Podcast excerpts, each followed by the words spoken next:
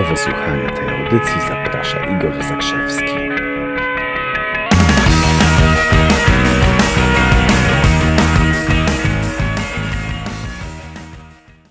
Słuchacie tego na własne ryzyko. Program zawiera treści niemoralne, odrobinę grzeszne oraz lokowanie kapelusza, który nie wiem kto wyprodukował. To jedziemy, co? Takie ostrzeżenie na początek. Postaram się być śmiertelnie poważny.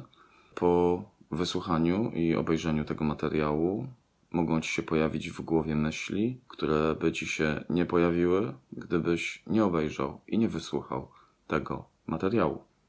To bardzo ważne. Dobrze. Czy słyszeliście, moi drodzy, o tak zwanym problemie autonomii? Co to jest problem autonomii? Wyjaśnię Ci na trzech przykładach szybkich. Po pierwsze, na przykładzie polityka, po drugie, na przykładzie mm, koncernu jakiegoś wielkiego i po trzecie, na przykładzie agenta ubezpieczeniowego.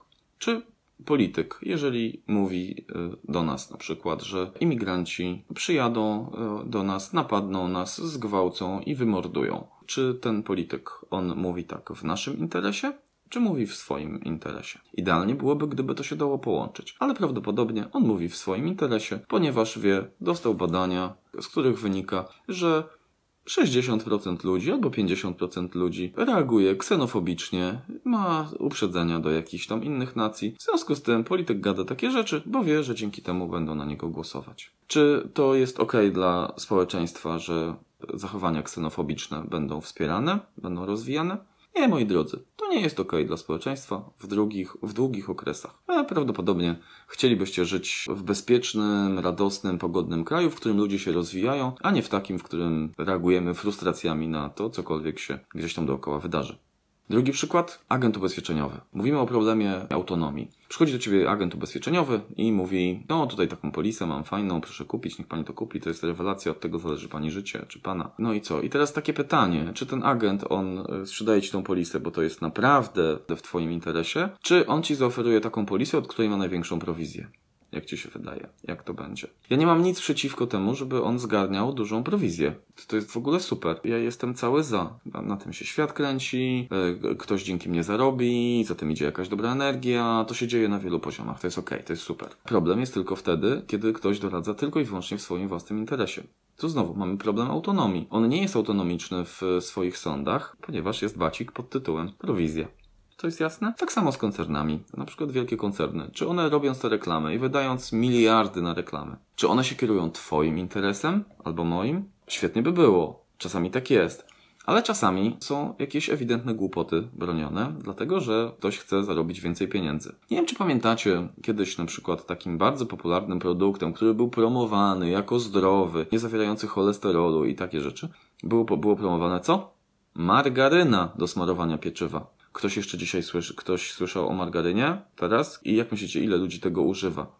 Jeśli to robią, to niewiele, ponieważ pojawiły się nowe badania, które już, już dawno temu, nie wiem czy mniej czy bardziej wiarygodne, które pokazują, że nie, nie, nie, margaryna jest niezdrowa. Ja nie dam się urzec ani, ani jednej stronie, ani drugiej stronie, jeżeli ktoś będzie mi ograniczał wolność wyboru, bo ja również spojrzę sobie na tych rozmaitych ekoterrorystów, Czyli ludzi, którzy mi mówią, że jak zjesz za dużo cholesterolu, to zginiesz. No nie, uwielbiam mieć wolność wyboru. A wy? Lubicie? Mieć wolność wyboru? Nasze życie składa się z tego, co my myślimy. Czyli my dostajemy w życiu, co my myślimy na temat naszego życia. Zgodzisz się? W związku z tym jesteśmy ukształtowani z rozmaitych przekonań, z tego, co się, co, co, co się nauczyliśmy. I bardzo Cię proszę, otwórz głowę. Ja tutaj mówię o części rzeczy, które już wiesz i umiesz i rozumiesz, ale proszę Cię otwórz, żeby zobaczyć w tym znacznie więcej, bo tu chodzi o znacznie, znacznie więcej. Jesteśmy ulepieni z jakichś przekonań, czyli to, co myślimy, staje się naszą rzeczywistością. I jakby sobie zrobić taką refleksję, ile przekonań, które mam w głowie, to są przekonania, które ktoś mi wkleił tylko dlatego, że miał w tym jakiś swój własny interes. Rodzice mówili, granie w gry komputerowe jest niezdrowe, szkodzi tobie, szkodzi twojemu umysłowi. Tymczasem mówili tak, bo e, na przykład nie stać ich było na komputer. I tworzyli jakieś w ogóle totalnie głupią rzecz jakąś, prawda? W głowie, w głowie dziecka, bo tworzyli przekonanie, że granie w gry komputerowe jest niezdrowe. A ja jestem przekonany, że granie w gry komputerowe powoduje, e, powoduje rozwój koncentracji, rozwój kreatywności, ćwiczy refleks i tam się znalazłoby jeszcze parę innych rzeczy. Umiejętność logicznego myślenia. Mnóstwo to robi. Jeżeli cię- nie stać, to powiedz dziecku, kurczę, nie, to kosztuje więcej niż możemy w tej chwili wydać, niż mamy na to pieniędzy, ale może zarób na przykład na połowę z tego. Wtedy będzie łatwiej dołożyć. Znajdź inne rozwiązanie, zamiast tworzyć jakieś takie głupoty. Ten dzieciak potem będzie żył. I co? Wyobraź, wyobraź sobie życie teraz w takim świecie z przekonaniem, że gry, że gry komputerowe są, są niefajne, że gry komputerowe szkodzą zdrowiu. No przecież to więcej szkody niż pożytku. Zobacz, w tym świecie potrzebna jest umiejętność orientowania się w takich różnych grach, które się odbywają za pomocą internetu, za pomocą komputerów itd., itd. Ale to dygresja. Idąc dalej. Chodzi o co? Chodzi o wolność, bo to, co jest niesamowite, że jeżeli mamy wolność wyboru, to jest, to jest jedna, jedna z najważniejszych, jedno z najważniejszych zdań, które dzisiaj tutaj padnie. W chwili, kiedy mamy wolność wyboru, to wraz z akceptacją na popełnianie błędów rośnie nasza świadomość. I to możecie sobie zapisać, to możecie sobie powiesić na ścianę. Wolność wyboru plus akceptacja dla popełniania błędów równa się wzrost świadomości. I pozwól, że opowiem Ci pewną historię. Ponieważ jest taki problem, który część rodziców widzi, to jest problem pod tytułem Moje dziecko je za dużo słodyczy. Ja teraz opowiem historię o dziecku, tylko pozornie ona jest dla rodziców, bo ona jest dla wszystkich tak naprawdę. Nie tylko dla rodziców, którym się wydaje, że jedzenie słodyczy jest niezdrowe, ale również na przykład dla menedżerów, którym się wydaje, dla menedżerów sprzedaży, dyrektorów sprzedaży, którym się wydaje, że żeby zwiększyć sprzedaż, należy cisnąć na zwiększenie sprzedaży. To jest również dedykowane dla wszystkich tych ludzi, którym się wydaje wprowadzić zakaz i ludzie za tym zakazem podążą. To dla wszystkich ludzi żyjących złudzeniami, że można komuś coś zakazać i będzie to skuteczne. Dlatego tutaj wchodzimy na takie obszary lekko niemoralne i grzeszne. Case dziecko plus słodycze. Otóż sporo rodziców uważa, że dzieci jedzą za dużo słodyczy. Jak ten tak zwany problem rozwiązać? No i część, część rodziców udaje, że nie widzi problemu. Czyli na przykład zabrania i ponieważ na ich oczach dzieci nie jedzą słodyczy, to one gdziekolwiek się pojawią później, tam mówię na przykład o kilkulatkach, czy już tam nastolatkach, w domu nie ma jedzenia słodyczy, ale co? Ale jak wyjdą z domu, to też nie jedzą słodyczy, prawda? No to ja widziałem takie dzieci, które teoretycznie nie jedzą słodyczy, a jak zobaczą słodycze gdzieś w zasięgu wzroku, to nagle z uroczego dziecka robi się uroczy odkurzacz, który zasysa błyskawicznie wszystkie słodycze, które są do zassania. Część rodziców to wypiera, że nie, moje dziecko tego nie robi. To jest tak samo jak, wiesz, rodzice dwunastolatków, czternastolatków, im się wydaje, że ich dzieci nie przeklinają, że nie używają wulgaryzmów. Mhm, pewnie, no, tak.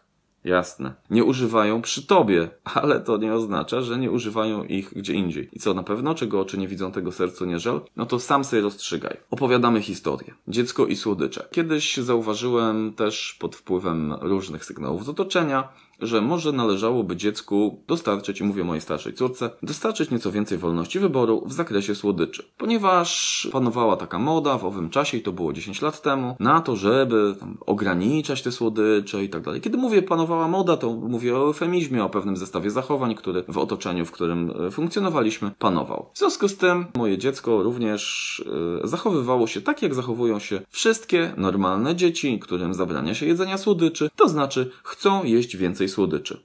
To jest naturalne, prawda? W związku z tym w którymś momencie wpadłem na pomysł. To było pod wpływem pewnego badania, o którym przeczytałem. Otóż wzięli grupę dzieci w takim wieku między 6, 7 a 15 lat do pewnego eksperymentu. W tym eksperymencie chodziło o to, że te dzieciaki mogły jeść, e, ta- tam było wszystko, wszystkie dostępne produkty, jakie tylko można sobie wyobrazić, do jedzenia również słodycze. I oni tam mieli spędzić dwa tygodnie czy trzy tygodnie.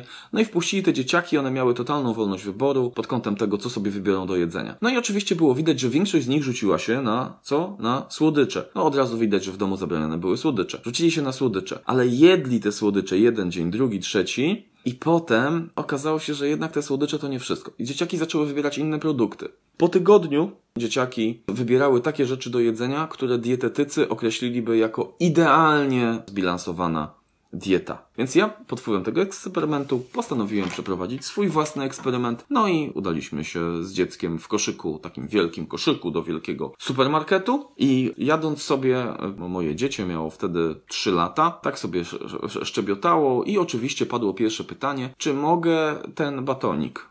Mówię, kochanie, słuchaj, możesz to tylko zechcesz. Oczy wielkie, no dobra, wzięła, wzięła ten batonik, włożyła do koszyka, a ja na to skarbie, ale tu możesz wybrać co tylko zechcesz. Dlaczego tylko jeden batonik? Weź więcej. Weź 5, 10, ile chcesz, nie chcę ci tego ograniczać. Spojrzała na mnie jakoś tak dziwnie. No i wzięła jeszcze dwa. A czy mogę tą czekoladkę? Skarbie, powiedziałem ci, bierz ile chcesz. Naprawdę, zróbmy z tego wielki fan. To, co tutaj wy, wybierzesz sobie, będzie tylko i wyłącznie dla ciebie. Bierz ile chcesz. Jeszcze chwilę trwało to przeuczanie pewnego mechanizmu niedowierzania, ponieważ po raz pierwszy w życiu miała do czynienia z taką sytuacją, że zamiast tam jednego, dwóch słodyczy może sobie wybrać tego całe mnóstwo. No i rezultat był taki, że rzeczywiście kosz był napakowany słodyczami, ośmielę się powiedzieć, po brzegi. To trwało jakieś 20 minut, potem wyłożyliśmy taką hałdę słodyczy na e, ladę przy kasie, zyskując sporo fejmu, bo ludzie patrzyli na nas, o co chodzi z tymi, z tymi słodyczami, że pełno tego na ladzie jest. No, rachunek za te słodycze poniżej 1000 zł w każdym razie wynosił. No i potem była akcja pod tytułem e, Drogie dziecko, słuchaj kochanie, to ty teraz, słuchaj, ponieważ to są wszystko twoje słodycze, to zadbaj o to, żeby tu jest twoja szafka, jeśli ci odpowiada, zadbaj o to, żeby je sobie tam po prostu ułożyć, tak jak ci się podoba. I tutaj nastąpiło zaskoczenie numer jeden. To samo dziecko, które jeszcze poprzedniego wieczora musiało być nakłaniane do tego, żeby posprzątać dookoła siebie, żeby coś poukładać w swoim pokoju, nagle zyskało jakąś motywację z niebios, słuchajcie, i zaczęło układać pięknie batoniki w tych samych kolorach, jeden na drugim, czekolady smakami, soczki kolorami. Robiłem wielkie oczy, jak to jest w ogóle możliwe? Więc to było zaskoczenie numer jeden. Oczywiście stało się coś, co każdy myślący człowiek przewidziałby, czyli dziecko zaczęło jeść wyłącznie słodycze. Córunia zaczęła jeść wyłącznie słodycze, otwierając czekoladę, batonika, popijając to soczkiem. W tej chwili wiem, że, że ciężko wam tego słuchać. Jak wyobrażacie sobie ilość cukru, którą w siebie ładowała. Ten stan trwał całe popołudnie, wieczór. Położyła się przeszczęśliwa spać. Następnego dnia od rana ledwo otworzyła oczy, tup, tup, tup, tup, tup, do szafki, sprawdzi, czy, sprawdziła, czy nikt nie patrzy, a ja akurat wychodzę z łazienki, mówię, kochanie, wszystko jest w porządku, wiem po co przyszłaś. Jedz ile masz ochotę, bierz na co masz ochotę. To jak zjesz, jak opróżnisz tą szafkę dzisiaj, to było niemożliwe. Jak jeśli opróżnisz tą szafkę dzisiaj, to kupimy jeszcze, zapełnimy ją ponownie. Trochę zdziwiona, ale drugi dzień upłynął również na wcinaniu słodyczy wyłącznie. Nawet nie było specjalnie narzucania się, żeby tam wciskać jakieś rzeczy, tak zwane zdrowe, niezdrowe. Jadła słodycze cały drugi dzień. Trzeci dzień. Macie mocne nerwy? Trzeciego dnia historia ta sama. Mniej więcej do południa, ponieważ trzeciego dnia poleciał pierwszy paw. Trzeciego dnia trwania eksperymentu, może nawet po, po, powiedzieć po 30 paru godzinach eksperymentu, dziecko pobiegło do łazienki i puściło takiego serdecznego pawia e, z tytułu jedzenia słodyczy. Ponieważ jadła tylko i wyłącznie słodycze, poszedł sobie pierwszy paw, potem kolejny, potem e, zdaje się jakaś gorączka, osłabienie, no nastąpiła reakcja organizmu na, na wciągnięcie takiej ilości słodyczy. I to trwało następne kilkanaście godzin, popołudnie było powiedzmy sobie stracone, nocka trochę też, kolejnego dnia rano. Dziecko obudziło się i zamiast podreptać do szafki ze słodyczami, przydreptało, żeby wygłosić taką mniej więcej refleksję. Słuchaj, wydaje mi się, że trochę przesadziłam z tymi słodyczami.